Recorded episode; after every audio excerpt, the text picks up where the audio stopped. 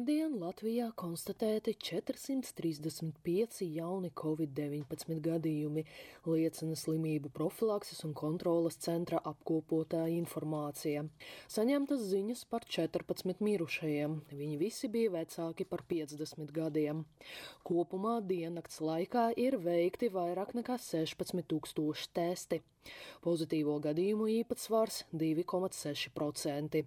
Slimnīcās ievietoti 43 covid-19 pacienti. Kopā stacionāros ārstējas 586 pacienti, no kuriem 77 ir smagā stāvoklī. Ja mēdiķis atsakās vakcinēties un veikt covid-19 testu, darba devējs var pārskatīt viņa darba pienākumus, lai pasargātu pacientus no inficēšanas riska. Tāda ideja no Veselības ministrijas puses izskanēja Saimas komisijas sēdē. Šodien deputāti un eksperti apsprieda iedzīvotāju iesniegtu iniciatīvu rast risinājumu, lai cilvēki vakcinācijas neesamības dēļ netiktu pakļauti diskriminācijai. Iniciatīvu ar nosaukumu Vakcinācijai aizvien jābūt brīvprātīgai uz doto brīdi ir parakstījuši vairāk nekā 17 tūkstoši iedzīvotāju. Veselības ministrijas juridiskas nodaļas vadītāja vietniece Anita Jurševica atzīmē, ka mediķi ļoti reti atsakās testēties.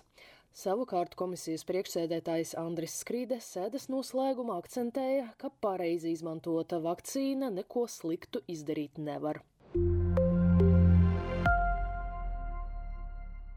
Lai pārbaudītu, vai hokeja čempionāta skatītāji ir pārslīmojuši vai vakcinēti pret covid-19, Veselības ministrija rosina izmantot Eiropas Savienības digitālo certifikātu testa režīmā.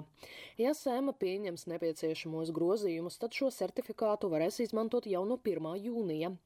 Tomēr, ņemot vērā to, ka Latvijā vakcinācijas kursu ir pabeiguši 1,10% iedzīvotāju, juristiem vajag izvērtēt diskriminācijas riskus, norādīja ministrija.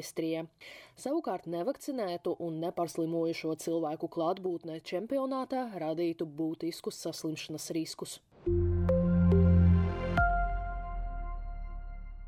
Veselības ministrija būtu gatava atļaut sacensības ārtelpās atsevišķajiem sporta veidiem.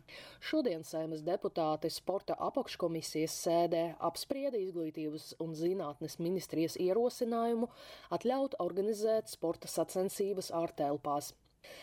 Iepriekš šī iniciatīva neguva operatīvas vadības grupas atbalstu.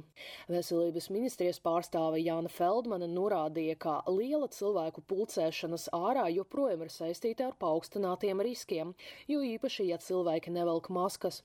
Apakškomisijas priekšsēdētājs Sandis Rieksniņš iebilda, ka, piemēram, motokrosā saslimšanas riski ir zemāki nekā futbolā. Feldmane atbildēja, ka ministrija ir gatava pārskatīt ierobežojumus atsevišķiem sporta veidiem.